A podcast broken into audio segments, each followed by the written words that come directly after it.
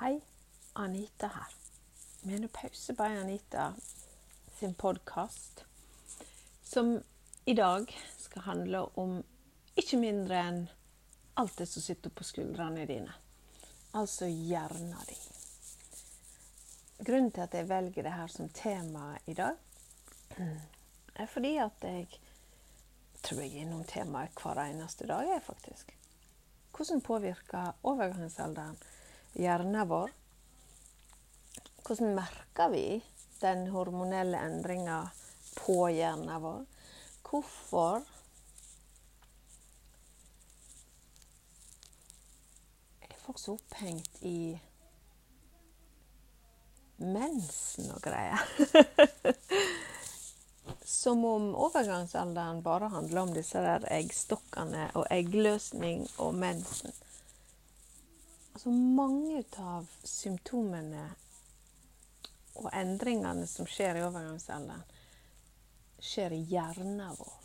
Men det er så mye stillhet om og så lite prata om at det får kanskje ikke så mye plass.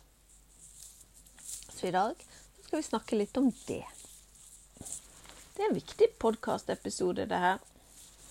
Jeg kan jo fortelle litt om hvorfor eh, det her er så viktig for meg, og hvorfor jeg eh, Og hvordan alt dette her kan henge litt i hop. I bakgrunnen så har jeg elleveåringen min som gamer, så hvis du plutselig hører noen primalskrik, så veit du the drill. Da er det bare gamingen.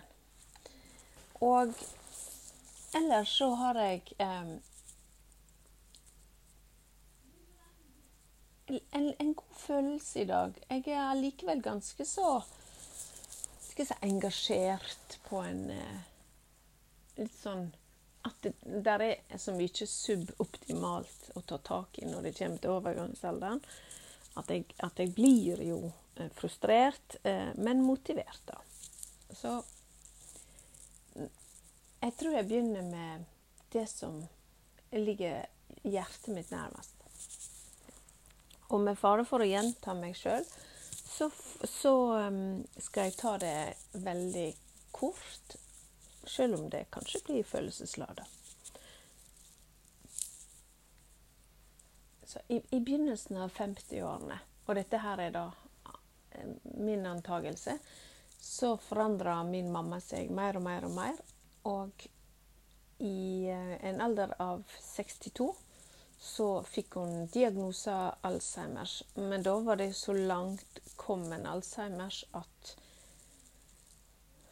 at med det vi vet i dag, der symptomene eh, først begynner å vise seg når når eh, mer enn 40% av hjernekapasiteten har eh, forsvunnet, ja, vet, og vi vet at symptomene kan komme opp til ti år eller mer. Begynne ti år før um, Liksom på det private Altså på den enkeltes uh, funksjonsnivå. Nei, det var utrolig kronglete forklart. Hør her. Alzheimer kan være vanskelig å oppdage, og mange har diagnoser årevis før pårørende kan merke det, og før pårørende får stilt noe som helst, gjort noe som helst tiltak som gjør at du kan få en diagnose. Sånn, dette gjaldt også min mamma. Og herlighet, Alzheimers er sånn en Ja, sånn som alle andre sykdommer. Noe drit, altså. Men det som irriterer meg utover det personlige her med at det er vondt, å, å miste mammaen sin mentalt. Eh, for så å miste henne en gang til når hun faktisk dør. For hun døde i fjor februar. Og eh, det som er dobbelt, en dobbeltsorg. En ventesorg. En sorg som er veldig komplisert. Men det som irriterer meg, det er at vi i dag nesten, nesten ikke har snakka noen ting om hvorfor rammes det To tredjedeler av de som rammes, er kvinner. Og ja da, du kan godt komme og fortelle meg at det er fordi at kvinner lever lenger enn menn. Men den kjøper ikke jeg lenger. For det betyr jo at eh, når dette her forskjellen mellom menn og kvinner etter hvert eh, jevnes ut, så skal jo eh, det bli 50-50. Og det ser ikke ut som det går i den retning. Og nå begynner det jo etter hvert å, å bli mye mer fokus da på at oi sann, vi har visst oversett det her med hormoner, og hva det har å bety for eh, hjernen vår, og hjernehelsa vår, og hjertehelsa vårt, og ja, alt som hører med. Og noe sånn der fasit på Alzheimers, det får ikke du eh, eh, av meg. Eh, for jeg, jeg, har ikke de svarene.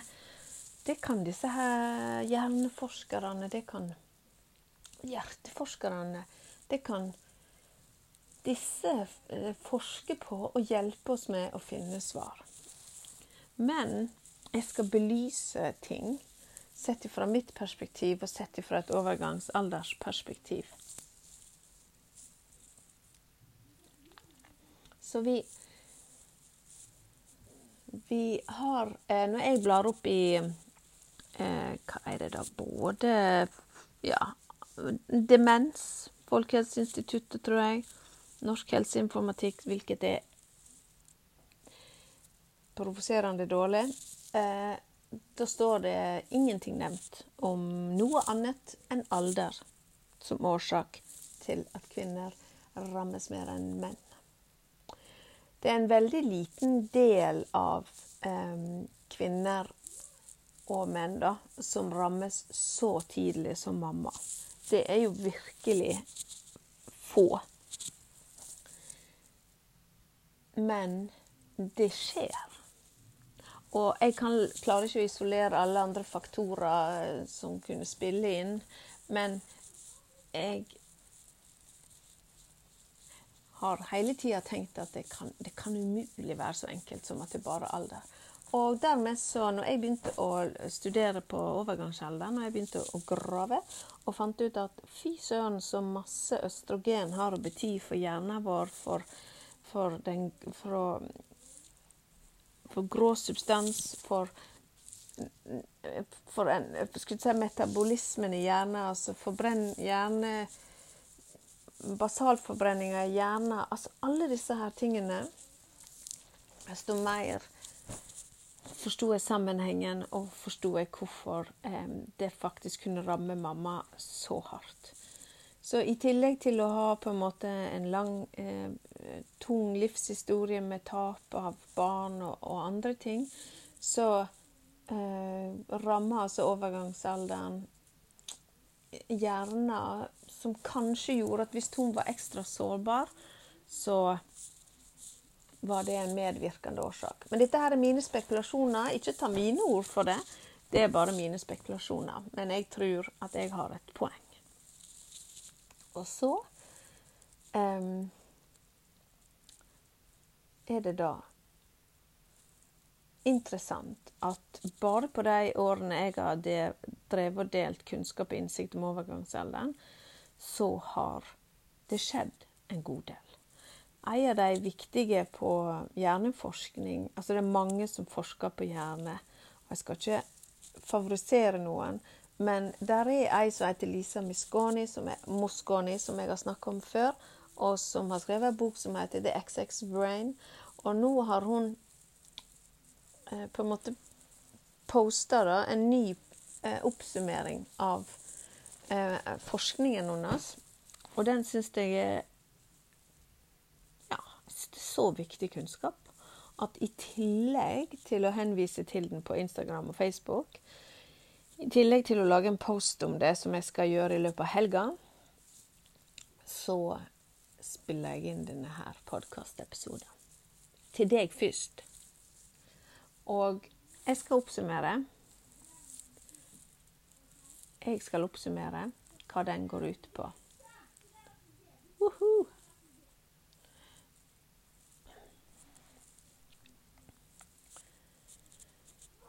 Så nå er det sånn at jeg, jeg bare tar punktene, og så snakker jeg litt rundt det. Hvis du vil, så kan du jo ta notater. Eh, men eh, du kan òg bare lytte deg inn. Så østrogen, det hormonet som er ja, primærdriveren for min, eh, mitt kjønn, nemlig kvinne, det er eh, Ja. The grand master of eh, min hjerne.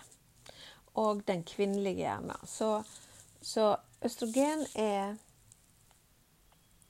den som driver min kvinnelige hjerne, og som støtter eh, energitilførselen til hjernen min, immunforsvaret, motstandskrafta og min generelle helse i hele kroppen, da.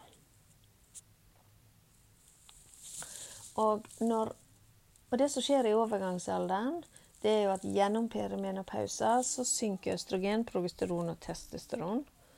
Så, ha, så kommer du ut på um, postmenopausal side, der du ikke har hatt mensen på tolv måneder.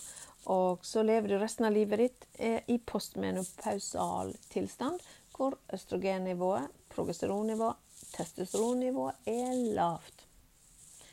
Det påvirker alle disse her funksjonene som jeg nevnte nå. Altså hjernen vår, immunforsvaret vårt, motstandskraften vår, eh, helsa vår alt. Så det er ingen grunn til å tro at dette er noe som vi kvinner ikke trenger å snakke om. Eller vi kan bare si, trekke på skuldrene og si ja, ja. Men sånn er det å være kvinne. Lykke til og lykke til. Det fortjener oppmerksomhet. Det fortjener at vi bestemmer sjøl hva vi har lyst til å gjøre for å ha det bra i overgangsalderen og over i postmenopause og resten av livet. Så denne her hormonelle endringen Altså Ja, hva skal jeg si Jeg liker å kalle det eh, menopause som et slags samlebegrep. Da vi kan jo kalle det overgangsalderen, men det er et stort, hvitt, upresist grep eller begrep. Men i alle fall. Eh, overgangsalderen skaper mange forandringer i hjernen. Både i struktur, i eh, si, metabolismen, i hvordan ulike deler av hjernen snakker med eh, hverandre, skulle jeg si, eh, på nevronnivå. Um, og hvordan um, ja, energiforsyninga er til hjernen. Da. Og det kan være forklaringen på hvorfor vi i overgangsalderen kan få symptomer som handler om Jeg skulle ikke si Ja, um, som hjernetåke, eh, tretthet um, nedstemthet, vanskelig å konsentrere seg, vanskelig å huske hva som blir sagt. Det kan handle om Ja, ikke minst nedstemthet, og i noen tilfeller eh, depresjonssymptomer. Da. Og en av de store hjertesukkene til veldig mange som deler kunnskap om overgangsalderen i hele verden, er at nå har mange kvinner i altfor mange år som, som kommer til lege for hjelp på symptomer som er nært knytta opp til overgangsalderen, men som handler om nedstemthet og depresjon, de har fått antidepressiva. Og jeg sier ikke at i alle tilfeller så er det ikke rett. Men i mange tilfeller så er det her en hormonell begrunna, eller hva skal jeg si, hormonell utløst depresjon eller, eller nedstemthet. Og burde i, i, i Det er mange i dag som mener at dette burde vært behandla med hormonterapi istedenfor. Og at um, og så er det hypoteser da, om hvorfor dette her med antidepressiva har begynt, uh, hvorfor det begynte å, å, bli mer utbredt. Og en av hypotesene er at det kommer av at man var så livredd for hormonterapiens bivirkninger i forhold til brystkreft og hjerte-karsykdom, som WHI-studien sto bak og forårsaka. Eh, WHI-studien, World Health Initiative Nei, um, uh, Women's Health Initiative, uh, ble uh, avslutta for tidlig um, i forhold til planen i 2002-2003. Der er alltid forskjellige tall der. Under, under um, med, med, egentlig med med brask og bram, med store bokstaver, brystkreft og hjerte-karsykdom. Det er vanskelig å oppsummere det her uten å bli, uten å bli engasjert i negativ retning. Fordi jeg har lest en god del om denne WHI-studien.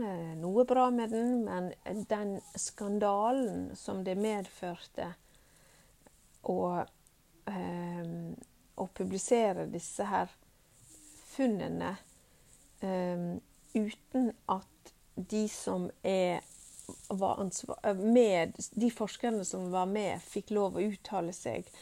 Um, det er en skandale. Eh, forskerne, og i ettertid så ser en det at disse her funnene var ikke signifikante. Uh, og der um, Det var med andre ord um, um, Skulle ikke si feil gjengivelse og, og altfor hard eh, kategorisk bastant eh, konsekvenser, da. Nemlig, eh, eh, nemlig det her med fare for brystkreft og hjerte-karsykdom. det viser seg nemlig at det, er så mange kritikkverdige forhold ved denne eh, studien at jeg kan ikke gå inn på alt. Men for å si det sånn Målgruppa for um, hormonterapien er i dag eh, kvinner eh, som er i tilknytning til menopause. Og det er 40-årene, 50-årene. Og disse kvinnene som var med i den studien, de var i gjennomsnitt 63 og kvinner helt opp i 79 år som ble med på denne studien. De var, mange av dem var allerede overvektige. Mer enn 30% var overvektige. Mer enn, mer enn det så var det sykelig overvekt. Det var høyt blodtrykk som var medisinert. Det var ikke det som vi definerer som målgruppa for hormonterapi. Det var den gamle varianten av hormonterapi. Så dette her er eh, ikke sånn hormonterapien drives i dag. Det er ikke sånn han brukes. Men det var en liten sånn Jeg tar deg bare litt tilbake til eh, Jeg tar deg bare litt tilbake til hvorfor antidepressiva eh, seiler opp som et viktig alternativ. Og det var jo fordi at så, så, så mange som Altså, jeg hører tall, det Det refereres litt forskjellig, men så mye som 70 av alle kvinner som gikk på hormonterapi, stoppa brutalt den dagen pga. denne her eh, Skulle jeg si alarmen som de satte i gang. Og eh, i kjølvannet av det så var det utrolig mange kvinner som ikke fikk hjelp. da, Som ikke fikk Som hadde så vanskelige symptomer at de var helt desperate etter å få noe som kunne hjelpe dem. da. Og Der eh, er det nemlig sånn at enkelte antidepressiva de kan ha en gunstig effekt på f.eks. hetetokter. Så da tydde man til det. Pluss at nedstemthet var jo et symptom. Så antidepressiva føltes jo helt naturlig. Og for mange kanskje. Jeg har ikke ordinert det sjøl, for jeg er jo ikke lege, jeg er jordmor. Men jeg har lest og hørt så mange historier om det her at um, det ville være naturlig for meg å nevne det. Og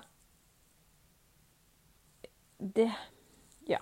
Så det har lenge vært brukt antidepressiva, men vi trenger å stille spørsmålstegn ved om det er det funksjonelle, mest funksjonelle nå, eller om vi skal eh, bruke all den forskning og all den eh, retning vi har nå av kunnskap og erfaringsgrunnlag til å kunne si at hormonterapien i dag er annerledes, det er tryggere, vi har en mer spesifikk bevisst holdning til hvem som skal ha det, og hvem som ikke skal ha det. Og um, hva hvis det kunne være et, noe å forsøke å se om det har effekt. Fordi det som ofte kan gå igjen, da, er kvinner som har gått på antidepressiva for, um, og som der årsaken kanskje har vært mer um, overgangsalderen, de føler at det, det, hjelper ikke, det, hjelper ikke, så veldig godt med antidepressiva. De føler seg kanskje bare litt mer nummen eller flat, men de, de, de, føler ikke at det hjelper. Og en annen ting er at mange kvinner har beskrevet at Men jeg er jo ikke deprimert. Jeg, jeg, jeg er lykkelig, men jeg, jeg, forstår ikke hvorfor dette her denne nedstemtheten, eller hva skal jeg si, kommer og presenterer seg. Det er akkurat som er bare en stemning som henger fast. da. Um, så dette her er kompliserte greier. Og nå i England eksempel, så er det masse fokus på det her med selvmord i, i, hos kvinner i, si, i overgangsalder, alder. Og jeg tror det er en av de store eh, eh, vanskelige temaene som vi trenger å adressere. Selvmord er jo den ytterste, ytterste konsekvens av fortvilelsen og symptomene på, um, som kvinner kan oppleve.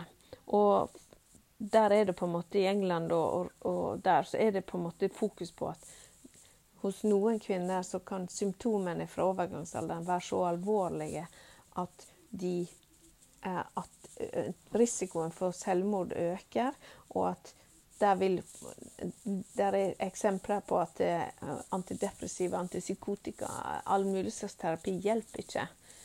Mens en kanskje burde i større grad ha tenkt hormonterapi, og, og, og tenkt at det var, burde være førstelinje. Um, tanke på, på um, nedstemthet slash depresjon i den alderen som, som hører overgangsalderen til. Og særlig da er det vel kanskje viktig å tenke den alderen som òg er en del av perimenopause, altså de årene før, mm, før du ikke har hatt mensen på tolv måneder. Ja, det er, en, en, det er ikke en digresjon, det er en refleksjon. Så jeg ville sagt at vær med meg og hold tråden. Jeg snakker om hjerner, overgangsalderen og symptomer og konsekvenser og erfaringer og ja. Det er det vi, landskapet vi er i. Jeg er i Alzheimers-landskapet samtidig. For du kan ikke snakke om det ene uten å snakke om det andre, føler jeg, på, på det her med hjernen. For um, ja. Um,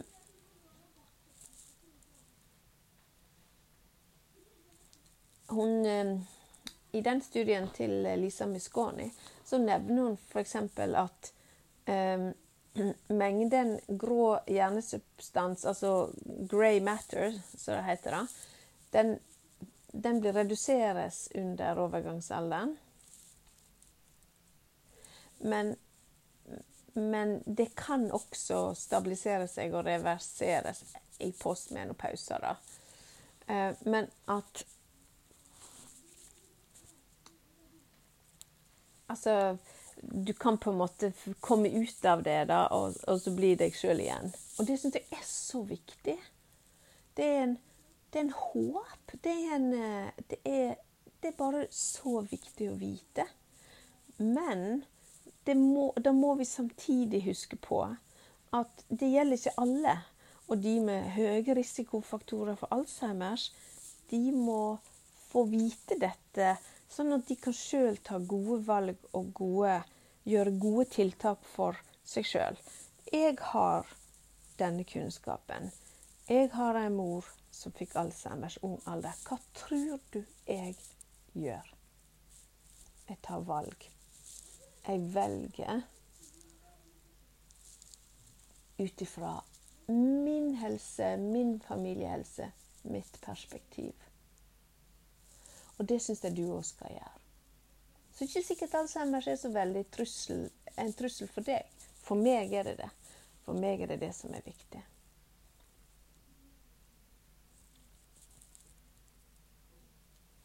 Så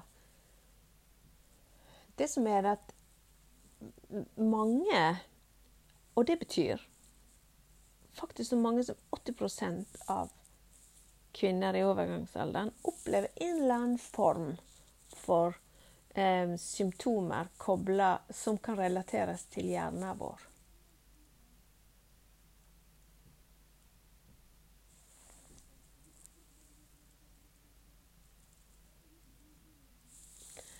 Og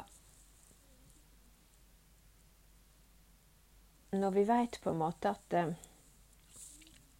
at det kan være hetetokter, sant? det kan være hjernetåke, konsentrasjonsvansker, humørsvingninger, eh, frostanfall, skulle jeg si. Ikke frostanfall, for da har man jo feber, men frysning Altså man fryser av frysetokter, var det jeg tenkte på. Eh, det her med ikke å kjenne igjen seg sjøl, nedstemthet eh, det, det, At det i gjennomsnitt eh, Hetetokter, f.eks., varer i gjennomsnitt i 7,4 år. Men eh, i hun, Lisa Musconi sin forskning så viser de, hun til at det, dette her med energi og eh, hvordan eh, denne endringen i overgangsalderen påvirker hjernen, kan være Når på en måte et nivå, da, eller en, en, et, et platå, etter ca. seks år. Så lenge. Så hvem er det som driver og snakker om at ja, ja, det er bare å bite tenna sammen, holde det ut, ta deg et glass rødvin. Altså, det er jo det, det, jeg, jeg, blir eh, tussete av hvor lite vi vet, og hvor lite vi har respektert de store forandringene. Og jeg er sjokkert over stadig mer forskning som viser hvor omfattende det er, og hvor langvarig det er, og hvor utrolig lite verktøy vi får tilgjengelig, hvor lite deling av kunnskap der er der ute. Hvor mye stigma, stillhet, tabu og kunnskapsmangel som er. Og jeg skjønner det så godt.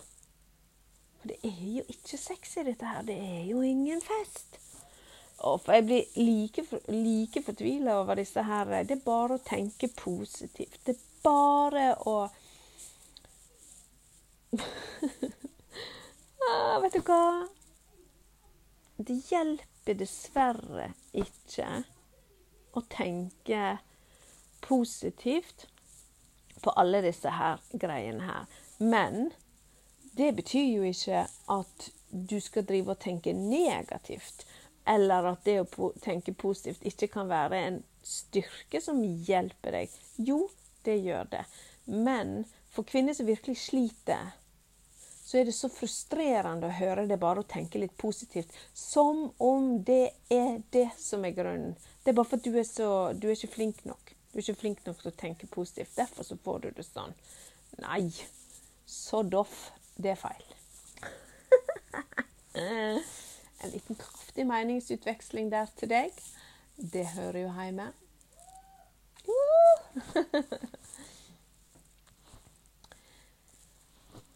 Ja.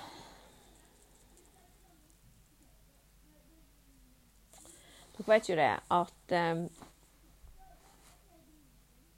Dere vet jo det at um,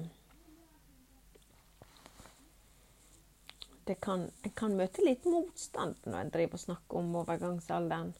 Fordi at um, det, folk kan gå utrolig i forsvar. Folk kan bli redde, folk kan bli såra, folk kan bli Det er truende. Likestillingsproblematikken kan komme opp. debatt, debatt skulle seg om at eh, eh, desto mer fokus vi har på overgangsalderen, desto eh, mer sykeliggjøring av kvinner skjer, desto mindre eh, Ja. Det, det, er nesten litt sånn Da snakker vi kvinner ned. Men det, det er etter min mening veldig feil. Eh, veldig feil måte å angripe det på. En av de største problemene, synes jeg, er at vi har fokus på eh, At vi har for lite fokus på likeverd. Eh, det er i, i Norge i dag så har vi det så har vi eh, har vi en god, god, god utgangspunkt for likestilling. Men vi har ikke helt likeverd. Og det, det, helt, det tar lang tid. Det tar, det, vi skal gjennom mange, mange faser i det her med å skape likeverdig um, nå holdt jeg på å si likeverdige helsetjenester, men jeg mener så snakker likeverd i, i samfunnssammenheng. Um, og å snakke om overgangsalderen er ikke kvinneundertrykkende. Det å snakke om overgangsalderen skal føre til økt kunnskapsnivå, økt forståelse, økte muligheter og, og økt respekt for kvinnekroppen. Sånn at med respekt så kommer likeverd. Og så lenge vi ikke tør å ta tak i det og bare skal bare skyve det under teppet og ikke snakke om overgangsalderen, så får vi aldri respekten opp for det. Vi får aldri likeverden eh, på banen. For vi kvinner, eh, ifølge hun Lisa Misconi, så, så, sier hun jo eksplisitt at vi kvinner presterer like godt. Det er bare at vi betaler òg prisen det er å skulle eh, opprettholde like god standard på alt vi leverer, eh, til tross for alle disse her skulle si, midlertidige endringene som kan skje i hjernen i overgangsalderen. For det er jo ikke sånn at nå må vi huske at vi er ikke to mennesker som like. Og du kan ikke sammenligne deg med naboen. Og det er ikke noe vits i å sammenligne seg med noen, for det, dere er ikke like. Ingen av oss er like. Så ei kvinne kan ha null problem. Ei anna kan ha 100 problem med overgangsalderen. Så ikke sammenlign. Bruk kunnskapen til å navigere ut fra hva du trenger. Og vi skal gjennom en så stor kunnskapsløft når det gjelder overgangsalderen. Vi skal igjennom en, en lang vei skal vi gå, faktisk. Fordi at mange tror altså Jeg bruker ordet 'mange'. Jeg, jeg kunne jo vært litt mer presis i det. Eller tona det litt ned. Det kan jeg òg gjøre.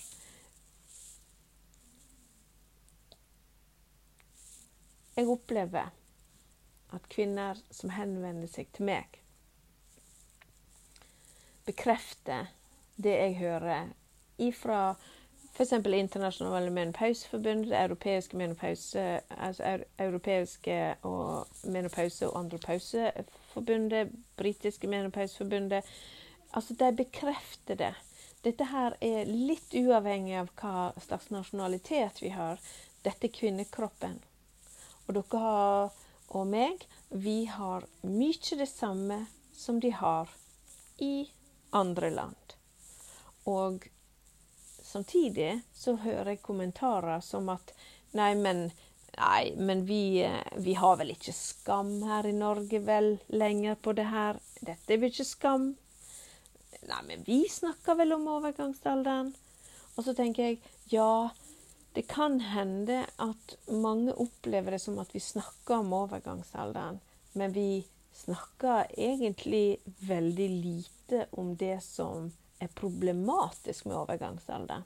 Det er mange nok um, stigmatiserende eh, kommunik... Altså, skulle si masse nok av stigmatiserende bilder av hetetokter med en, en, en, en, virkelig en eldre, gråhåret dame med en vifte. Men det er ikke å snakke om overgangsalderen. Det er jo bare å putte på enda mer stigma. Snakke om overgangsalderen handler om å fortelle hvordan en opplever det.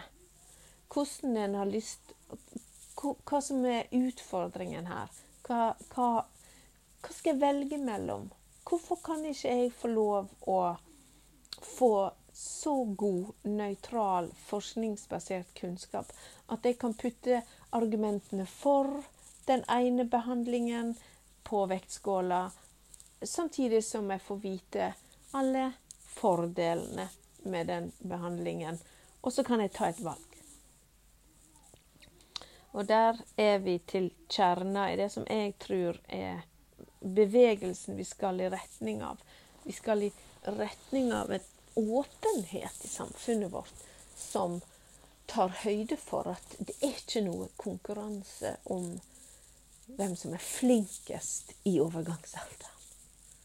Det er ikke noe, er ikke noe konkurranse, det er ikke noe NM i Se på meg, se hva jeg, hvor, hvor godt jeg taklet denne overgangsalderen. Altså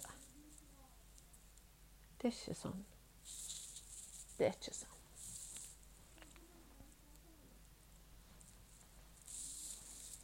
Istedenfor så burde vi backe hverandre. Istedenfor så burde vi sørge for å dele kunnskapen. Jeg har jo kjørt fire kurs nå. Um, Fire runder med kurs, heter det. Ett kurs var i åtte uker. Det er så empowerment. Det er Det går ifra å ha symptomer, uro Det går ifra symptomer um, u, si, Manglende innsikt i egen kropp. Manglende oversikt over alternativene. Manglende kraft og mot og håp for fremtida fordi at en aner ikke hvordan dette her skal gå, til at en får håp, en får tro, en får oversikt. En blir så empowered, og skamma, den forsvinner. Altså ned i sluket. Og det tror jeg det er det kunnskap gjør med deg. Det er ofte det at det, eh, Frykt kommer jo av mangel på kunnskap. Manglende innsikt. Å frykte det fremmede, ting vi ikke har kunnskap om, det er en veldig menneskelig egenskap. Og da forundrer det meg at så mange tenker ja, ja, jeg, jeg, jeg, gruer meg til denne overgangsalderen, men jeg holder den på en armlengdes avstand og vil ikke snakke om det. Jeg vil ikke ha noe mer å gjøre fordi Egentlig så virker han litt skummel. Og da da må en jo tenke at ja, men da må jeg ta tak i det, da. For skummel Det bør gå en alarm, da. Da må jeg få kunnskap. Kunnskapen tar vekk frykten. Oppsummert Hormonendringene som skjer i overgangsalderen, påvirker hele deg. Hele deg. Og hjernen er den store driveren til deg og påvirkes av hormonendringene. Eh, søk kunnskapen. Del. Spør. Grav. Invester i deg sjøl. investere i kunnskapen. Investere i din egen helse, din egen tid. Fordi du skal leve så mye som halvparten eller to tredjedeler av livet ditt som postmenopausal. Og da er det sabla godt å vite hva du kan gjøre for å ha det tipp topp. Tommelen opp. Jeg har det mye bedre i min postmenopause. Jeg gir deg håp, og jeg veit at reiser som jeg har gjort, den anbefaler jeg andre å gjøre.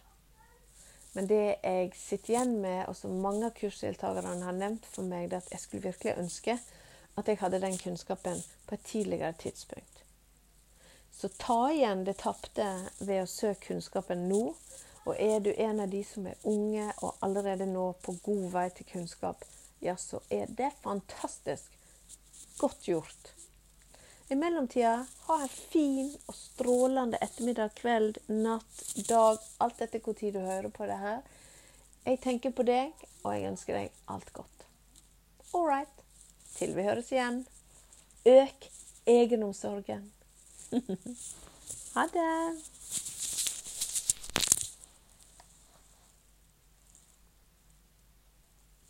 Og du Jeg tenkte jeg skulle slutte av der, men jeg klarte det ikke helt. For det jeg hører at jeg mangler, det er hva kan du gjøre? Og ikke for å røpe alle detaljer av kurset som jeg kjører, så skal jeg gi deg en, en, en lite overblikk, sånn at du er klar over det. Du kan gjøre tiltak eh, i, på alle disse her områdene som jeg nå nevner.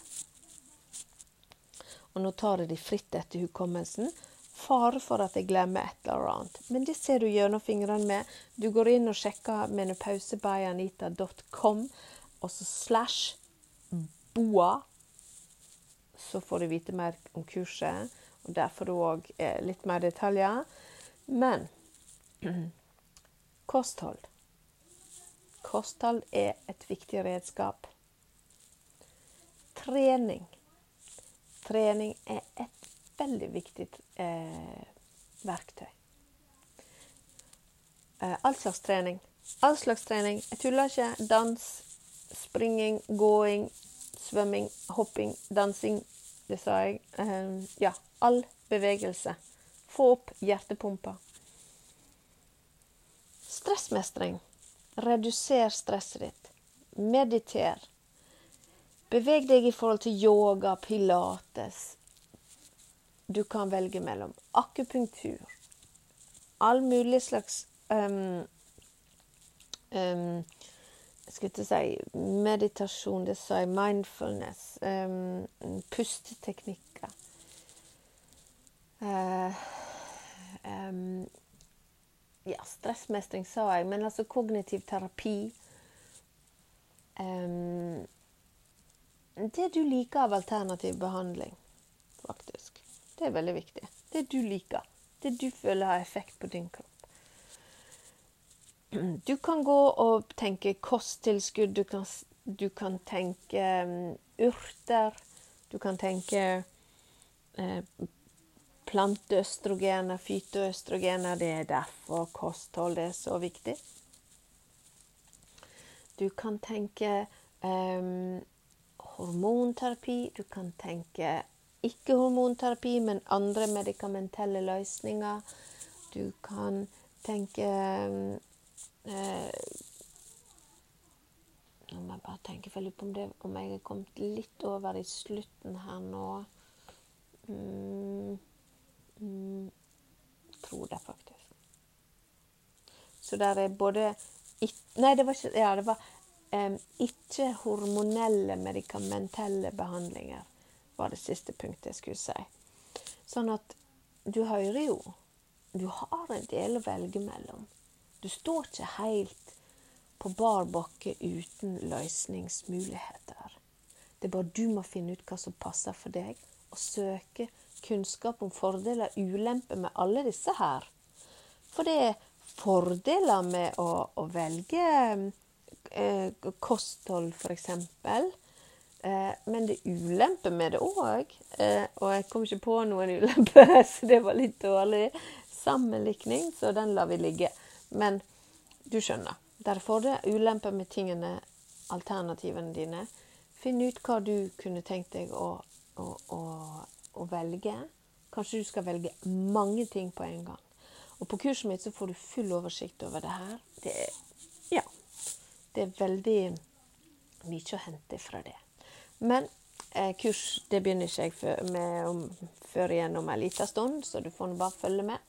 Men her var altså da siste delen av denne eh, podkastepisoden i dag. Du har masse å velge mellom i verktøykassa di, og um, øk egenomsorgen var mitt Jeg alt skal prøve å være mitt siste innslag og siste ord, og det er et generelt overordnet godt råd. Øk egenomsorgen. OK, da sier jeg ha det en gang til. Ha det.